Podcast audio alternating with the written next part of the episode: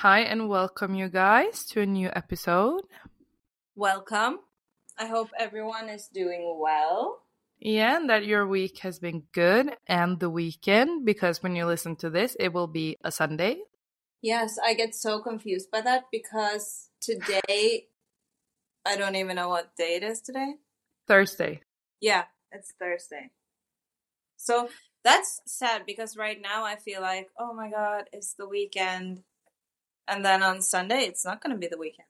Yeah, and you feel like I'm trying to put my mind in that Sunday mood, but it's really hard when I know that you're not even halfway there, or like, yeah.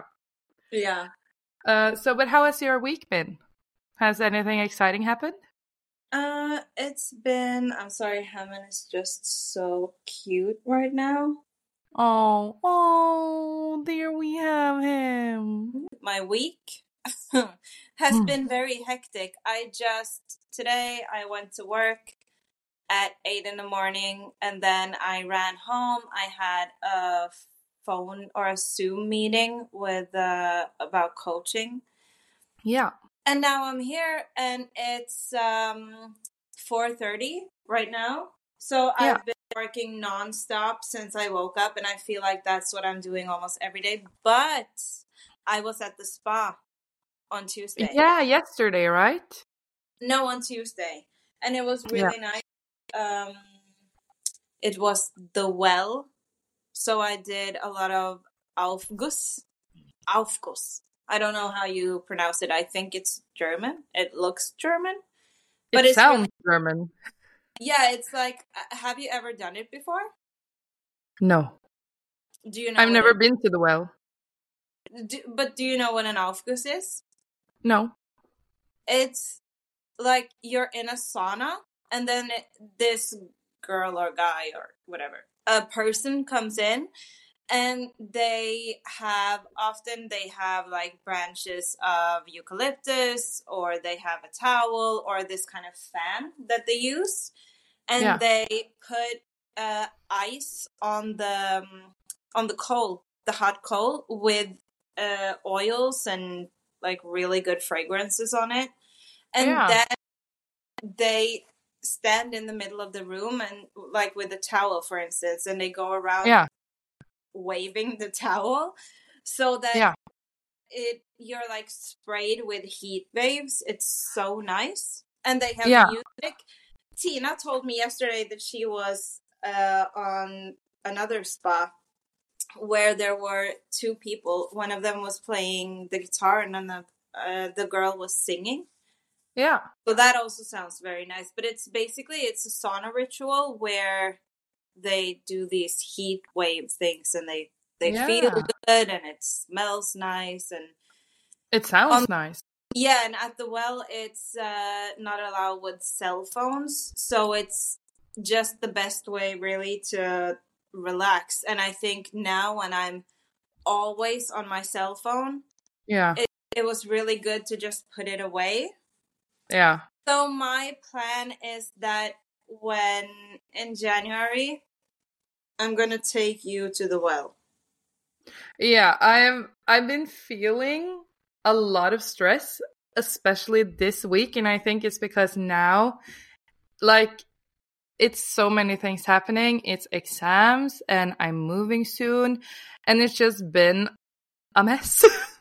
Yeah, it's just been so incredibly much that when I sleep, if you send me a message like at nine in the morning, I don't wake up. Oh shit! I forgot my. Uh, I have some bread in the oven. Just one more. I'm sorry. I just. Uh, I'm heating up some pieces of bread, and suddenly I I forgot them, and suddenly it just smelled so burned in here, and I was like, oh, fuck. Why do I feel like that's not the first time that's happened? It happens all the time. But I was uh, going to ask you, how do you deal with stress? Like, what kind of tactics do you use? Okay, so the way that I deal with stress, and I think that's something I learned from doing sports, competitive sports for so many years. Yeah. I have always three options that I give myself when I'm stressed. Uh, I either run, I don't know why, but I feel like that helps so much. Yeah. Or I just I turn off. I give myself maybe let's say 5 to 10 minutes where I just turn off my head. Yeah. And then I have the last option because I feel like if you visualize stress as a, a ball of yarn, you know, it has all these patterns and you have all these ways you can um unroll it if you know what i mean. Yeah. so if you think that you have the start how am i going to solve this? Then you have the middle you start solving it and then you're done. So i always try to find options. Why am i stressed and how can i um solve this stress? Because you can solve it it's just a matter of how Yeah. So how do you turn off your head? Because that's uh it was your second thing, I think. Yeah. So the way that I turn off my head is either I put on earphones and I just put on music. Because Yeah. then I feel my brain just dissolving kind of. Yeah. Uh, and I feel like that helps me so much. Yeah. I sing. That's what I but uh, that's like the best way for me to turn off my head doing the radiation therapy when I was so fucking scared. Yeah. I because you can listen to music when you're in the radiation machine. Yeah. I always like show and also I'm scared to fly, especially during takeoff. Yeah. And I same thing every time. Like the the best way for me to really shut off my head is to focus on song lyrics. So that's that's the best way that I know to shut it off because if I or if I read, but if I watch TV or listen to music and just nothing else works, I really need to focus completely Yeah. on something else to be able to shut it out. I'm gonna do my first live with another coach on Monday. yeah. How do you feel about that? Um, honestly, so much stuff is happening at this point that I don't really have time to feel much of anything. But it's good because we're gonna do about overwhelm and how to deal with it. So I think Yeah. that's gonna be a good a good thing, and obviously it's a good timing also because it's Christmas soon and most people feel a lot of stress when um, when Christmas time comes around. So- Especially economically. Yeah, so I think it's it's good timing for it, and I think it's gonna be interesting to hear what she has to say and just in general about the live. Yeah. I've never done it before, so I don't really know what to expect. I think it's gonna be interesting. I don't love being on camera, as you know. Um, Yeah. but I also don't really care too much either. So it's like, I think it will be a fun experience. Yeah, and I think that when you challenge yourself on things that you don't like, you grow as a person and mentally. And it's one thing that I have been considering, and I don't know why. why? Because I I feel like the more that I work with our company, Uh, you know, I'm I'm using my iPad to record, and uh, it has this cover that you can also use as an iPad stand. But yeah, the iPad gets so laid back when I do it, so I always push it up with a candle. But I forgot that I had put in a candle behind it, and I wanted to put the iPad on the sofa. yeah, Oh, that was just the sound of the candle smashing on the ground. oh, Um, but yeah, I think I don't know what to call it either, but can I just call it our baby? our baby, yes, you can. Yeah. Yeah, because for me, this is so much more than a business. It's Yeah. it's so much more because we put so much tears, sweat, blood into this. yeah. But but yeah, so our child to call it like that. And I feel like this process has really helped me create creatively. Yeah. Yeah, but I feel like it's helped me so much more creatively. And you know, where I live now, there's not a lot of stuff to do. So one thing I have actually started contemplating because I, you know, I love fashion, I love makeup, I love lifestyle, clean aesthetic stuff. Mhm. So I'm kind of thinking that I maybe want to start a TikTok. yeah.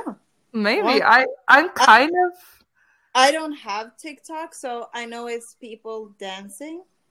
yeah, it's people dancing, singing, but it's also a lot.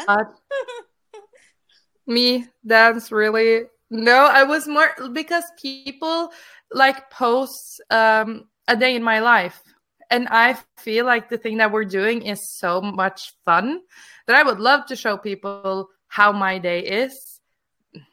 You know, like it's a cool thing. And I feel like the more you do this creative stuff, the Mhm. more you boost yourself and your own creativity because a thing that i often contemplate is i'm so afraid like of people judging me but at the same time why the fuck so should i care I'm so sorry that we're laughing, but Hammond puts his face into the camera. I wish that people Yeah. could see because Hammond puts his face like up in the camera.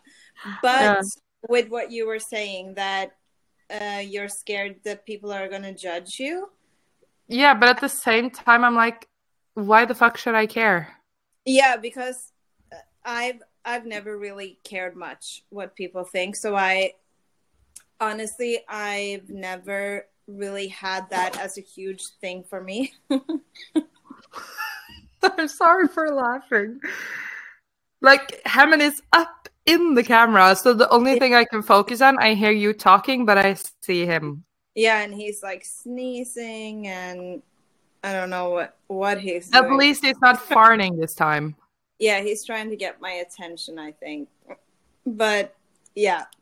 Uh the thing I was going to say is that if you have this thing where you're worried about people judging you, what are people going to think? You really need to start working on it ASAP because that's the number one killer of life. Honestly, like people really miss out on their life yeah about that. And also, that being said, people care about themselves. So I can Yeah. that if people are talking about you, it's not as much as you think. I know, and that's why I kind of want to push myself to do this because Yeah, I know I can.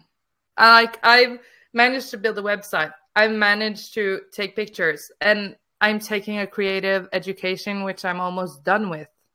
Yeah. So why not? I'm sorry for laughing, but I.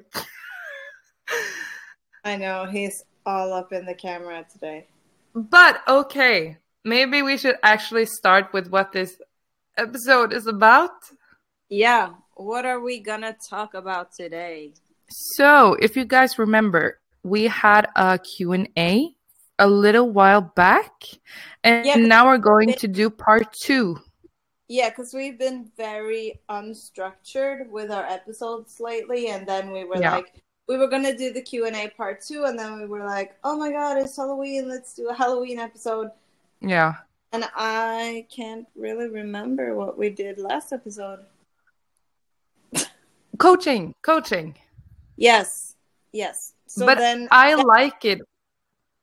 yeah. So now we're gonna have the Q and A that we should have had like Yeah. three weeks ago, I think. Yeah. But I think it's also kind of fun to not give it all away at once Yeah, because I feel that that's a lot of information instead of being like light and then it comes after like a light episode because um we talk about heavy stuff. That's what our podcast is about. Okay, so I thought that we could start with what we're supposed to do today. Yes. which is part two of the q&a so i think that i will just jump right into it if you're ready I'm ready. so the first question is how long was your treatment It was seven weeks in total. So my treatment was uh, chemo once a week, and then Mhm. I did radiation therapy Monday through Friday. Yeah. Yeah. Yeah. Um, and then, oh, yeah. On the last two weeks, I also had internal radiation therapy. Twice Yeah. a week. True. Yeah. Yeah. Um, but um, how did you find out you had cancer? I had felt very sick for a long time, the whole year. Uh, I had corona in uh, January. Yeah. and then af- it was like i never really recovered from it. And so i started to go to a bunch of different doctors and everyone told me that i had long covid. Yeah. but and and it just it didn't sit right with me. I didn't feel like that was what was going on. So i kept going to doctors and then in may it just like it hit me after you and i had been visiting our mom. Yeah. and when i got home i just it, it just dawned on me that like i i have cancer i just Yeah. knew that i had cancer so Yeah. at that point i started going to the doctors and i was like i know you're gonna think that i'm crazy right now but i know that Yeah. i have cancer i just have no idea where but Yeah. i had done all my pap smears so it never crossed my mind that it could be cervical cancer yeah. um, and the thing is that the blood tests don't, uh, or most of the time, they don't show cervical cancer. So all the doctors were like, no, your blood tests are fine. This is probably just long COVID. And Yeah. just knew, like, no, it's not, it's cancer. So when I got really heavy stomach pain and was like, okay, I need to go to the gyno. I was pretty sure that maybe this can turn out that it's uh, cervical cancer, and it was. So, Yeah, and I that the thing that you say with having a gut feeling, it's so important to listen to. yeah, I think so. And I think that if I wasn't so sure that I had cancer somewhere, I Yeah. probably, because what happened was that one day I just got extreme, like lower stomach pain. Yeah. I had some bleeding. Yeah. Uh, but I also was told a few years ago that I had endometriosis, which the common things are bleeding and stomach pains. Yeah. So if I didn't have that 100% knowledge within myself that I know that I have cancer, I Yeah. could have easily just been like, no, this is uh, normal for endometriosis and not had gone to the gyno. But since I was so sure that I did have cancer, I was like, okay, I'm going to go and check it out because maybe this is where the cancer is at Yeah. and turns out it was so uh, i've always listened like insanely a lot to my gut and that's my advice to anybody like if you have a gut feeling then if you're sure that it's a gut feeling then go with that because for me Yeah. feeling is always correct Yeah, and um, you kind of already answered the next question I was going to ask you, but I can re- rephrase it. So you said that you had lower abdominal pain, but Yeah. did you have any other form of pain before you discovered the cancer, like in I'm your not- lower back, or was it only like in the lower part of your stomach? No, it was also like in my lower back and uh, in my pelvis. Yeah, But I feel like that goes very hand in hand because if you have had, for instance, menstrual pain, yeah, that's accompanied by having lower back pain. yeah, But I do remember uh, you and I were at the mall uh, one day. I don't remember exactly what month it was. I think maybe it was September, October, something Yeah. around there. And we had been walking around for, I don't know, maybe half an hour. And I got so sick. Do you remember this period where uh, every time I had met you or anyone else, I had to like go home after 30 minutes because I was so sick. The thing that I do remember was when we were at mom's and we were supposed to eat dinner, but you almost passed out. Yeah, that was the time when I came home that I knew that I had Yeah. cancer. That was Mhm. that time. But uh, we were at the mall, and after 30 minutes, I was in so much pain and I almost couldn't walk. Do you remember? I was like an Yeah. old woman and I had to lean on you and like lean on the walls and stuff. Yeah. And I just had to get in a taxi home. So I did have a lot of uh, back pain and pain in my legs Yeah. um, to the point where I really was having trouble walking.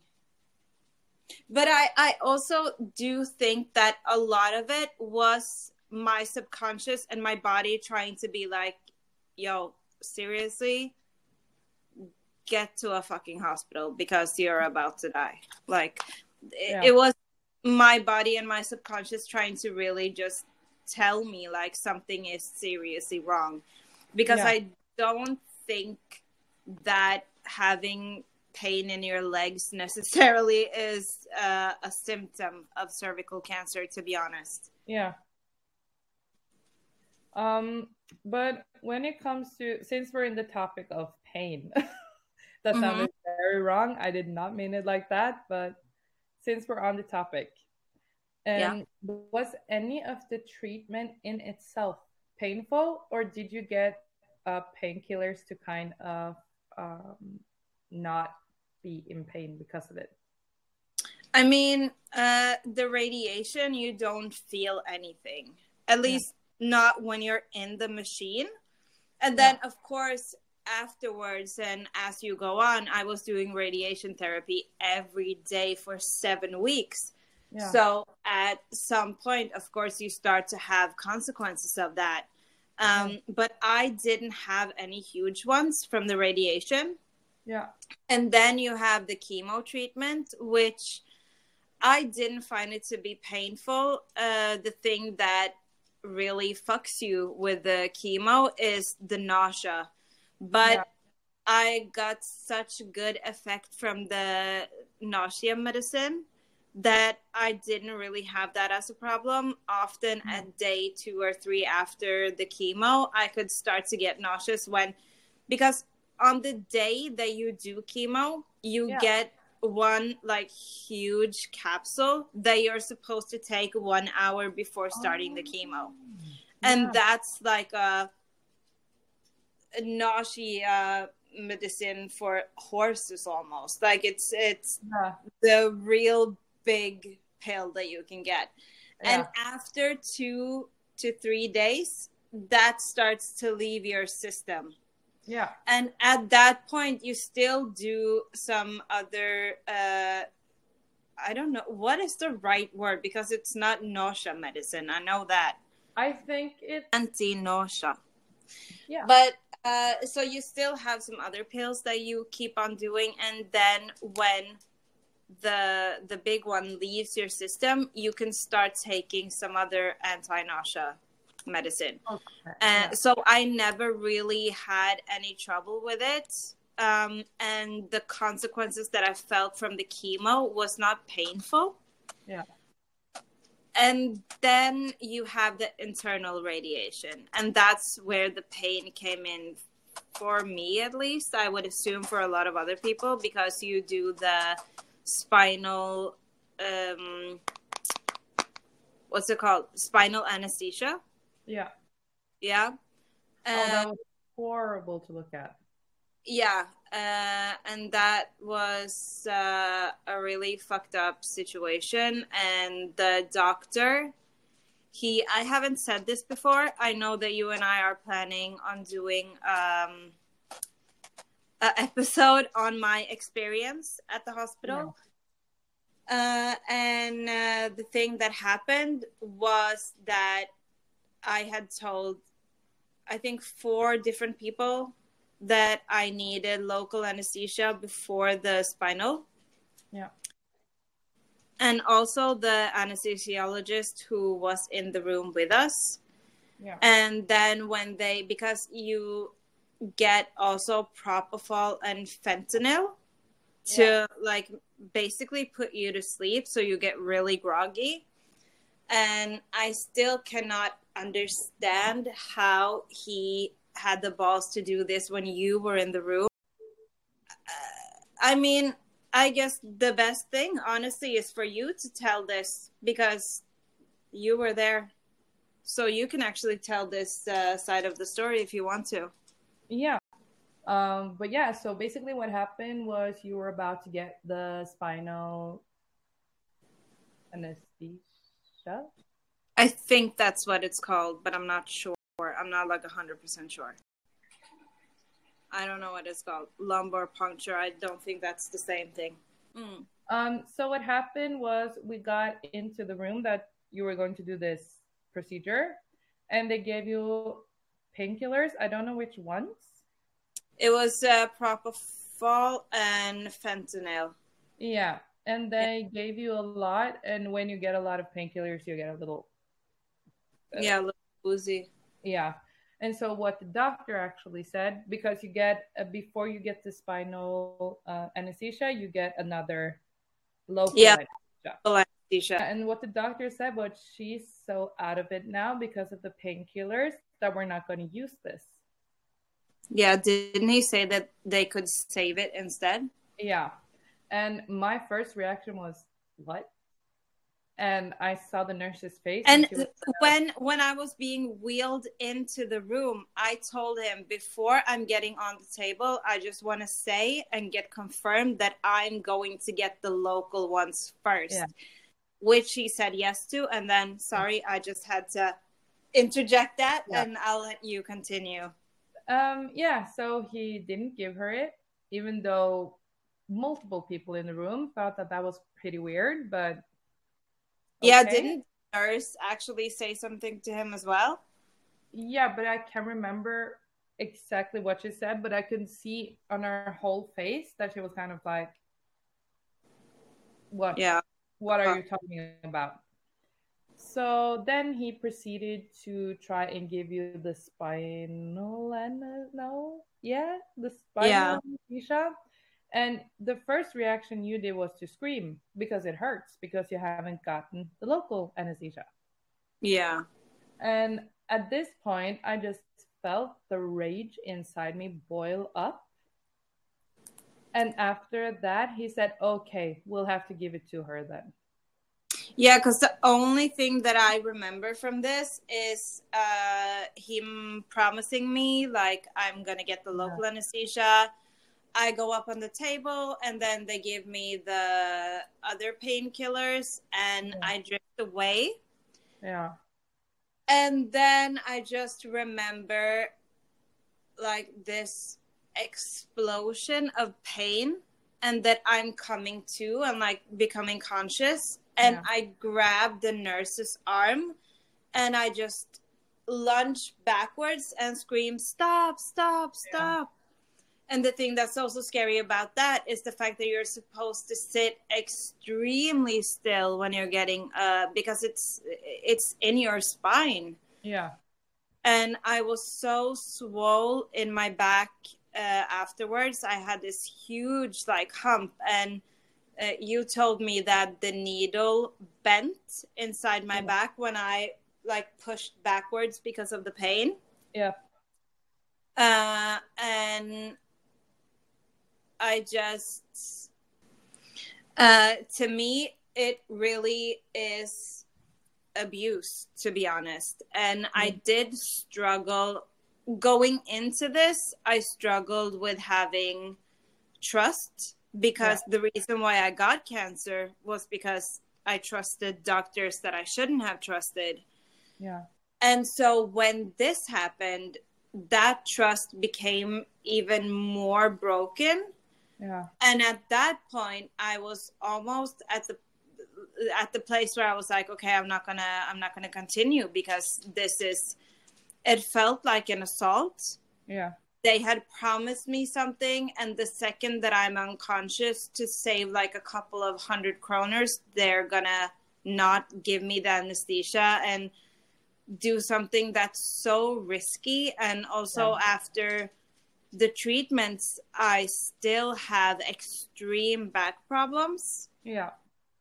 uh, and after this i couldn't lay on my back for several weeks because my back was extremely swollen and sore Yeah. uh, and I could have been paralyzed by throwing myself backwards and the needle starting to bend. Like it could Yeah. have gone really, really wrong. So at that point, I just I felt like I had been assaulted, and I do still think today that it it truly was an assault. Yeah. Um, so I remember like waking up. The first thing that I said was, "I I need to speak with someone here because I'm not going to continue this treatment until I get to speak with someone and I feel some sort of understanding in this Yeah. situation." Yeah. and one of the doctors did come to speak to me and she apologized but i don't know to me it was such a such a huge abuse of power Yeah. that i don't think that i will ever forgive the person who did that to me because to to to you know take advantage of someone who is heavily sedated Yeah. it's just uh It like it's it's really disturbing it's really disturbing and, honestly yeah, and I think that this is what you call medical misconduct. Yeah and uh, and to me honestly i feel like this is this is a really disturbing thing and i still it's disgusting and i Yeah. think the person i don't know his name i do not remember his face but he is a disgusting human being and what was done to me was abuse. It It was was an assault and. I don't think I will ever, ever forgive that. No, and you shouldn't either. No. to be honest. But So- um, since we're talking about doctors, Yeah.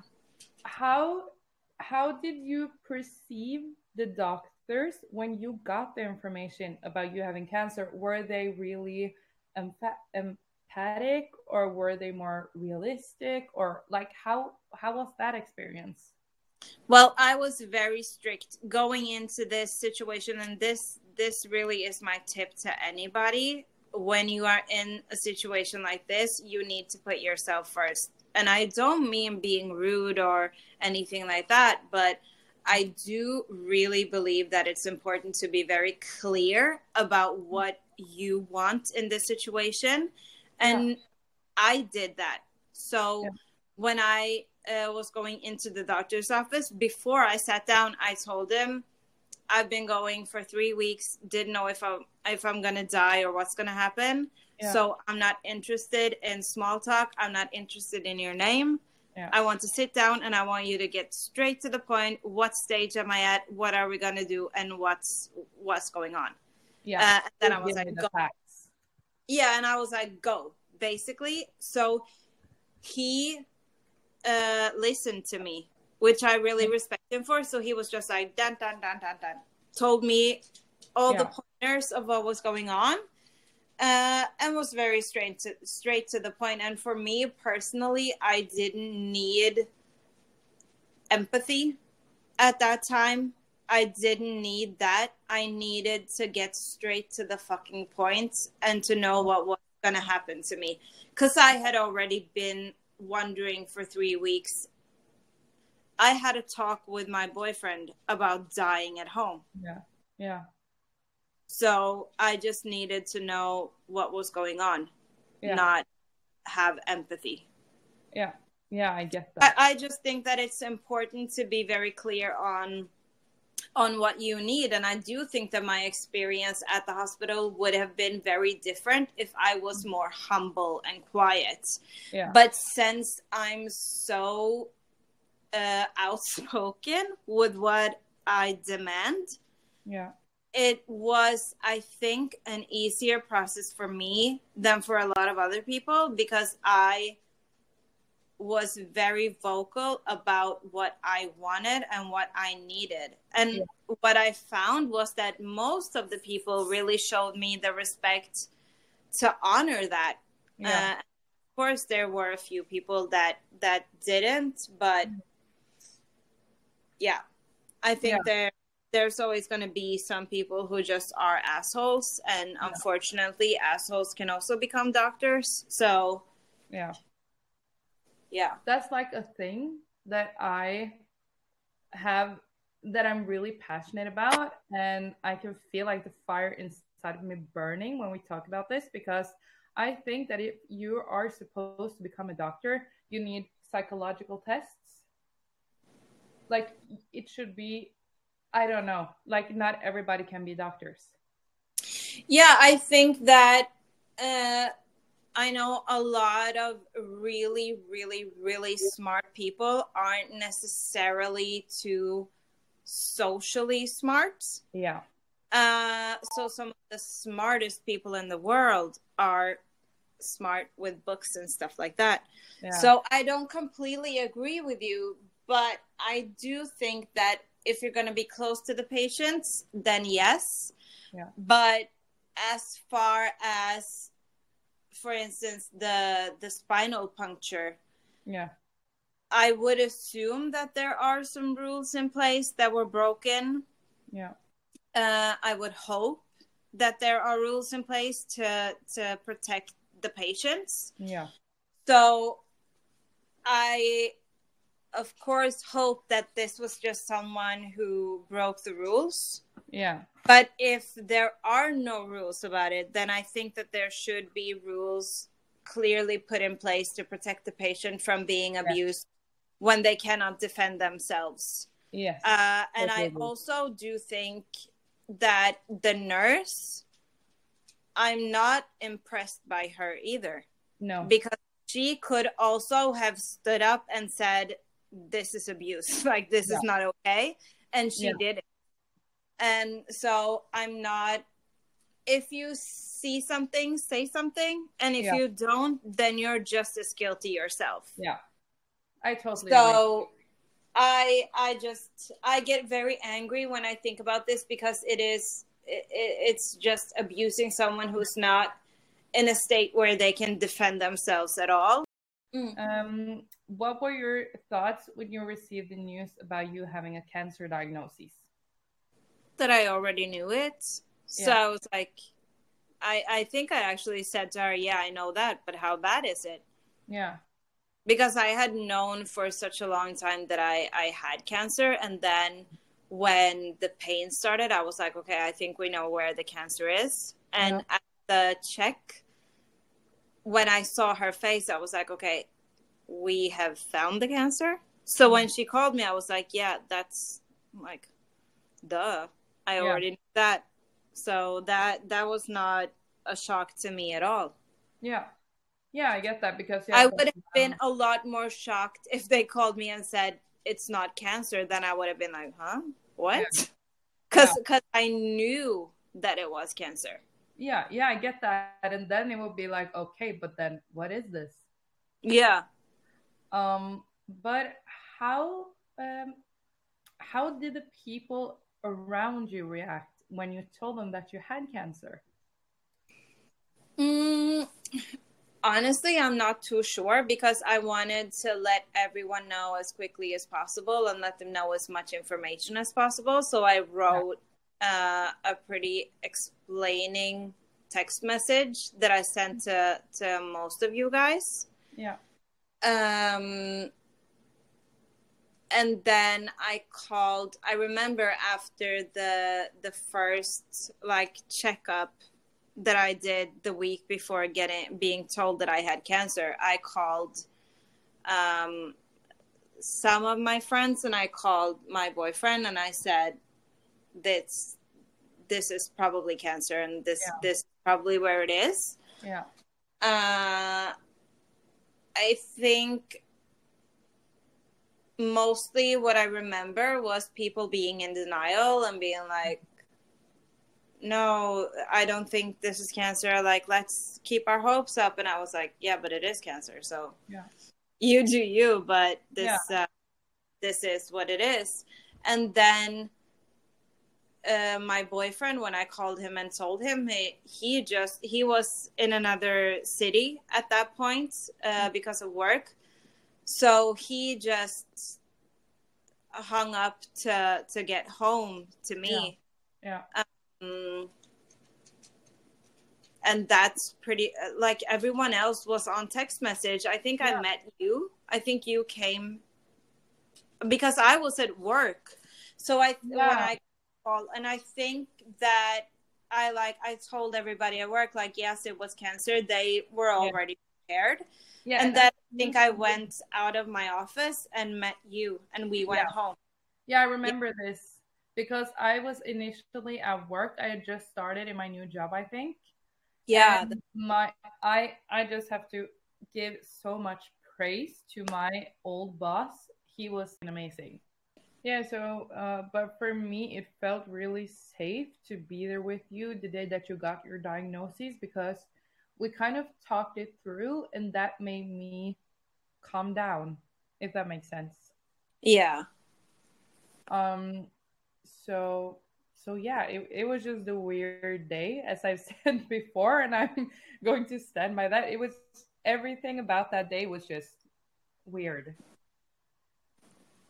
Yeah, I mean, uh, I was expecting it, so it wasn't really a shock to me, but I was hoping, of course, they were able to tell me a bit more because Yeah. what was very stressful about it was that she was like, honestly, I cannot tell you if you have two weeks to live or if you're going to Yeah. be okay. Like, I have no reference in between those two places.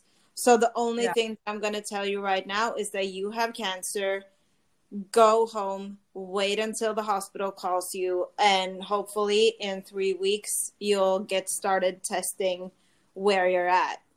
So, but that was the only thing really that was like stressful. Yeah, Yeah. I get that because you're kind of a sitting duck. You're just waiting and waiting and waiting, and then it finally hits, if you know what I mean. Yeah, and the thing was also like uh looking back now, it was good times in those weeks because I did a lot of like evaluation of my life and uh, I like thought about okay, do I want to die at home? Do I want to die in a hospital? Like how do I want to do these things? So it was a very strange time. Yeah, but I mean, I don't know. It's it's very strange looking back at it because even though it was stressful yeah, and of course it's a bit weird to be like okay am i am i gonna die very shortly but at the Yeah. same time when i look back at it it's not like a horrible pit in my stomach to be honest because it also made me realize so many things like if i were to die at that point i was like okay i'm i'm Yeah. happy with what i have and what i've done so Yeah. in a way, I'm good. Uh, Yeah. I'm in a good place in my life. So uh, I was constantly thinking like, I'm happy.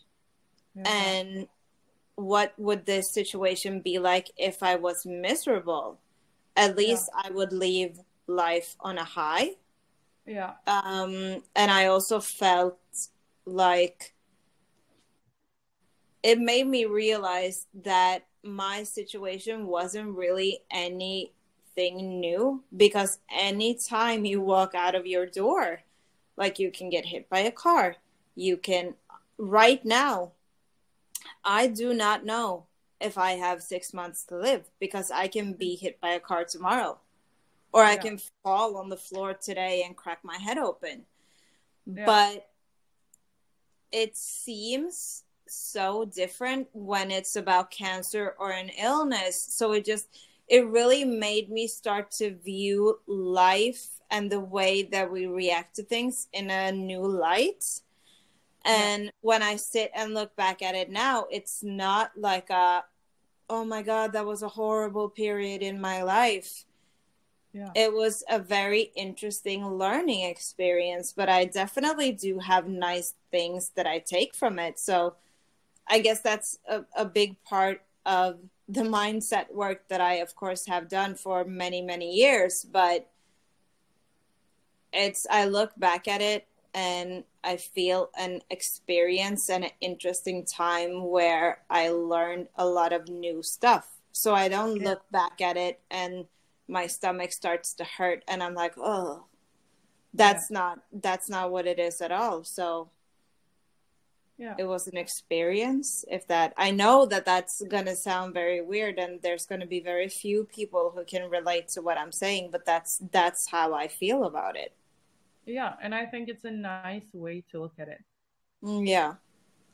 Um but when you got the diagnosis uh, what were you afraid of? Were you afraid of um how how long are you going to live or were you afraid of how people would take it or yeah like was there anything you were afraid of?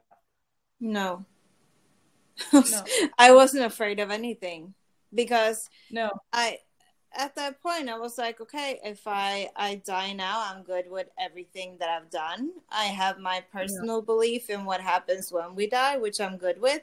The only thing that i thought about was that all the people that i knew that were dead are like grown up family members.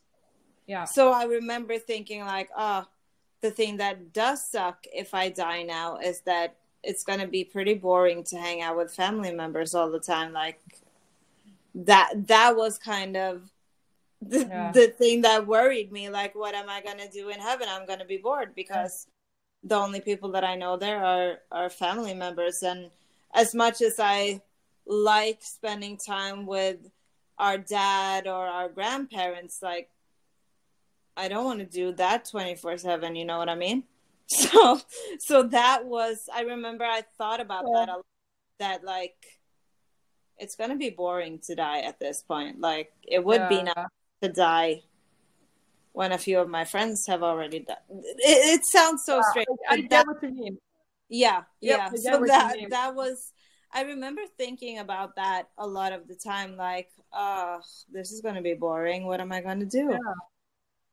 But um, I'm just trying to phrase this question in my mind, and I'm really struggling. I don't know why. Yeah. But how have you been feeling after treatments? And it doesn't specify if this means psychologically or physically. Uh, physically, good. I mean, the only I've been very lucky. The only consequences that I have from the treatment is uh, the radiation damage in my back, and yeah. I live very well with it.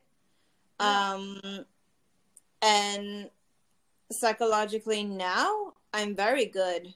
That I'm happy in a way about the cancer yeah. because it's brought so many clarities to my life. Yeah. And the point that I'm at today, I wouldn't yeah. want to go back and change that. So yeah. right now I'm I'm seeing the cancer as a gift to get me to where I am today. But yeah. the difficult thing after the treatments were definitely finding back to myself psychologically because I think your mind goes into a survival mode when you're yeah.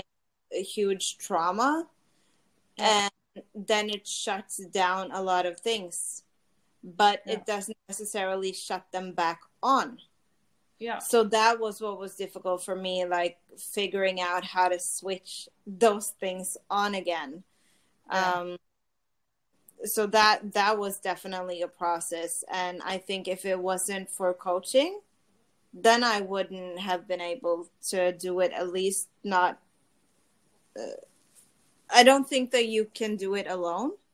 Yeah. Okay, so one of the questions that we got is uh, why do you have hair? Uh, the reason that I still have my hair is because there are different types of chemo, and you don't actually lose your hair from all of them. So, a few of them, most people get to keep their hair. Yeah. And I don't really know what the right term is. I've been saying that I got a light chemo. I don't Yeah. think that's correct uh, because chemo is chemo, but it definitely cannot have been the the worst kind of chemo. Yeah. Um okay, so um what um I'm just trying to think of how I'm going to phrase this question. Um but what happens when you get uh, radiation therapy or during like uh, what happens from like you step in the room to you step out? Uh, what happens is that you walk into this room that has the thickest walls ever. It's like a bomb shelter. yeah. And it's uh it's a very big room actually and you have this bed in the middle of the room with a huge machine and that machine is the radiation machine. It's kind of it's difficult to explain when you're on a podcast but i guess if you're very interested you can google it. There's a lot of images on google. Uh, so you undress and Yeah. then you for me obviously i had to undress on the lower part of my body and you go and you lay down on the bed and then they kind of scoot you into place. You have all these markings on your body that's there to put you exactly in the right position you're supposed to be in and that's so that the radiation doesn't harm too much of the tissue that's not infected by cancer. Yeah. so they they put you in place and then everyone else walks out because it's radiation. Yeah. and then the machine starts going into place. And of, of course i had music uh, during my radiation therapy. So at Yeah. this point i shut my eyes really close. And um, then it's this red light that comes on and that's when the radiation starts. And it's it's not too noisy but you hear the machine making noise. So you Yeah. know you know like when it starts and when it's going on and you're also able to tell after a few times when it's finished. And i only did radiation for i think two and a half minutes every time i did it. And i know that a lot of people can go for like an hour and stuff. So Yeah. i'm just very happy that i only had to do like two to three minutes Yeah. Yeah, I understand that. And I think that why people like ask the question is because people are curious, you know, and it's like to hear the steps. I also think is kind of reassuring for the people who are maybe going to go through it soon. Yeah. And people are also curious, and I get that because I didn't know what it was going into it myself. So Yeah. people are curious about it. Yeah. Um, but uh, through the whole process with cancer, uh, Mhm. what did you find like the most challenging? What it like was it uh, going through treatments or was like what did you find challenging? No, it it was not owning myself. I didn't own my body anymore, and people were telling me when to eat, when to shave, when to shower, when to drink, Yeah. when uh, what I could use like for body lotion, Yeah. and I had markings on my body the whole time. Everybody was like sticking me with needles, and it was just I pretty quickly understood that this is not my body right now. Yeah. It's only like a product that the doctors are trying to radiate the cancer out of, and for me as as a pretty grown woman, it was a horrible experience to not be able to have a say over myself. And also Yeah. like in the radiation room you you do walk around naked in front of like four random people which is like okay this is Yeah. this is my private body and now it's on display for everybody else and people are telling me what to do and it's just definitely the the most difficult part was to not be my own owner i didn't Yeah. have ownership of my body anymore Yeah, because wasn't there like some rules uh, that you had to follow? Like you couldn't uh, use this lotion and stuff like that.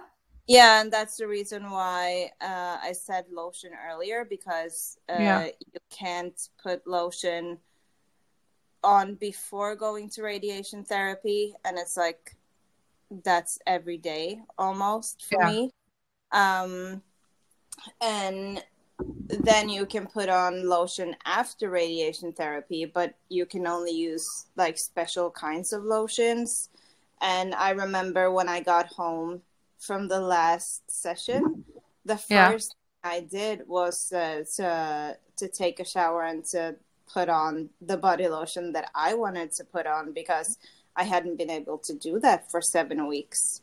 Yeah, it's very strange to be 33 years old and have someone telling you what you can and can't do. yeah, yeah. I get that, and I think that when, like, as you said, that when you could finally like use the lotion you wanted and could finally like um, have some sense of uh, you deciding for yourself, it must feel a little bit freeing. Oh my god, think. more than more than you can ever imagine. And also to be able to go home and wash off the markings that you've been going around with for and that's more than 7 weeks because they they put them on you when Yeah. they are trying to figure out the radiation therapy and how they're going to do it. So I think for 8 or 9 weeks I Yeah.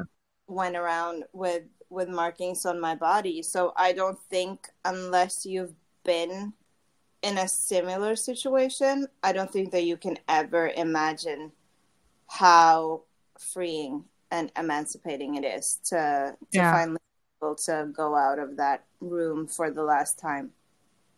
Yeah, I I could I could imagine if you know what I mean. Yeah. Um, but uh, there are two questions left. Uh, and the first one, and I think you know what kind of question is coming now, and that is, can you have children?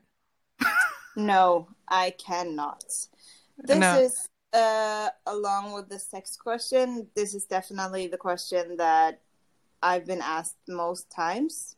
Yeah, uh, which I like because I I rather people ask us the difficult questions than yeah, be around someone they know who gets cancer.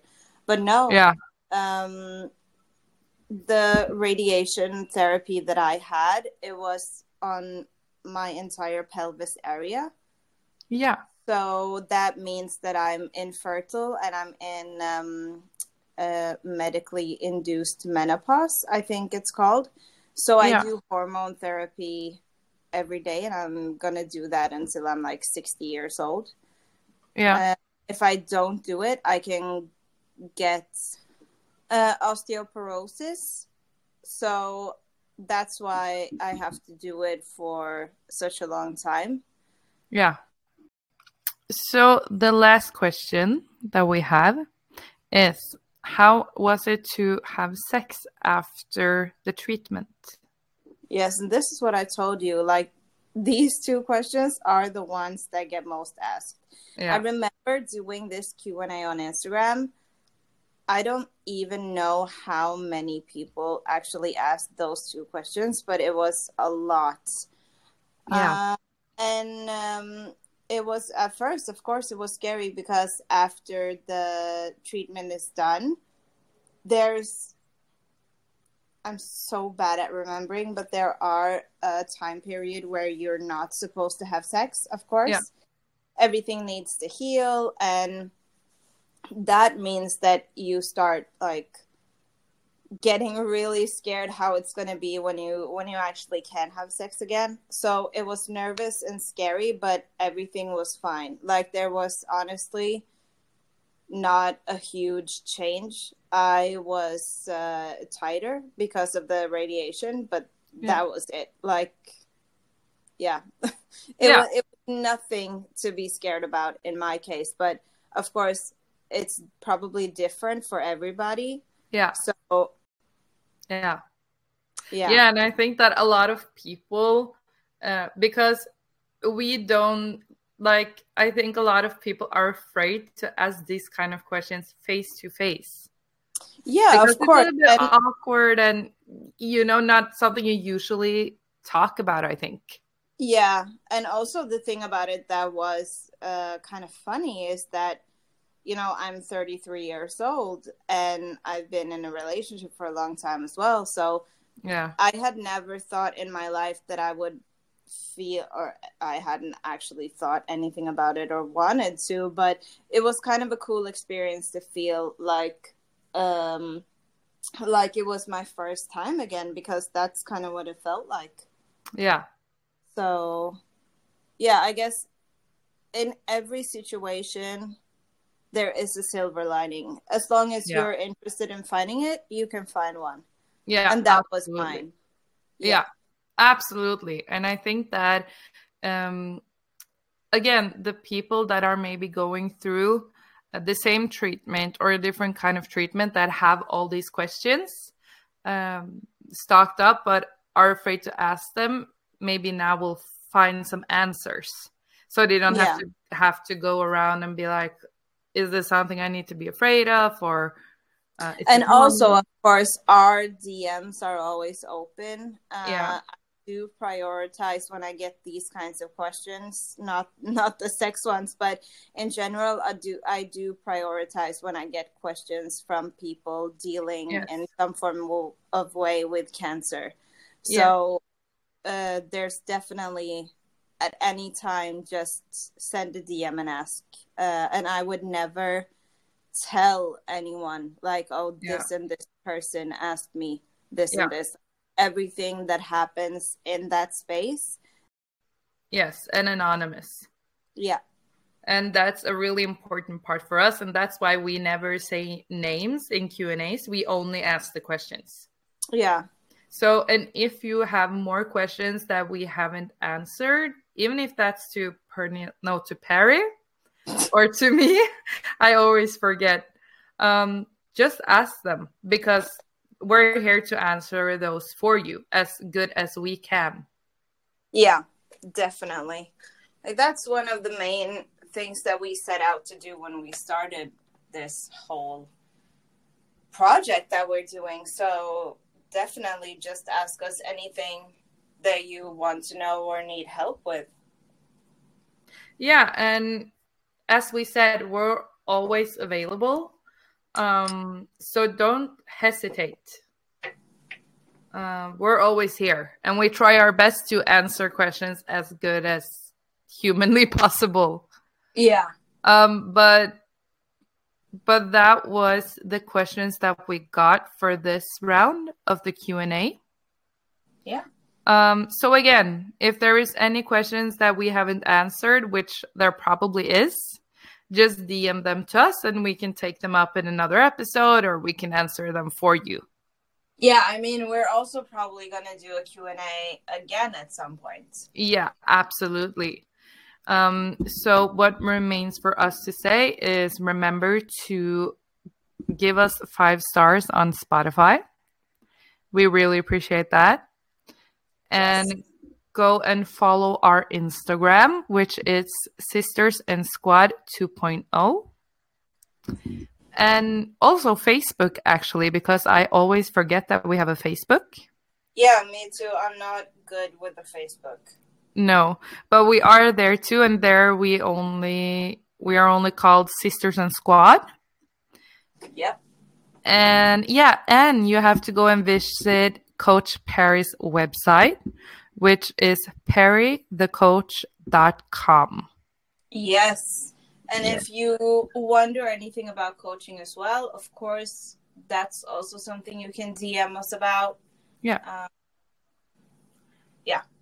You can I even that's it. That's that's what I have for today. yeah, and you can even email us if you want to do that.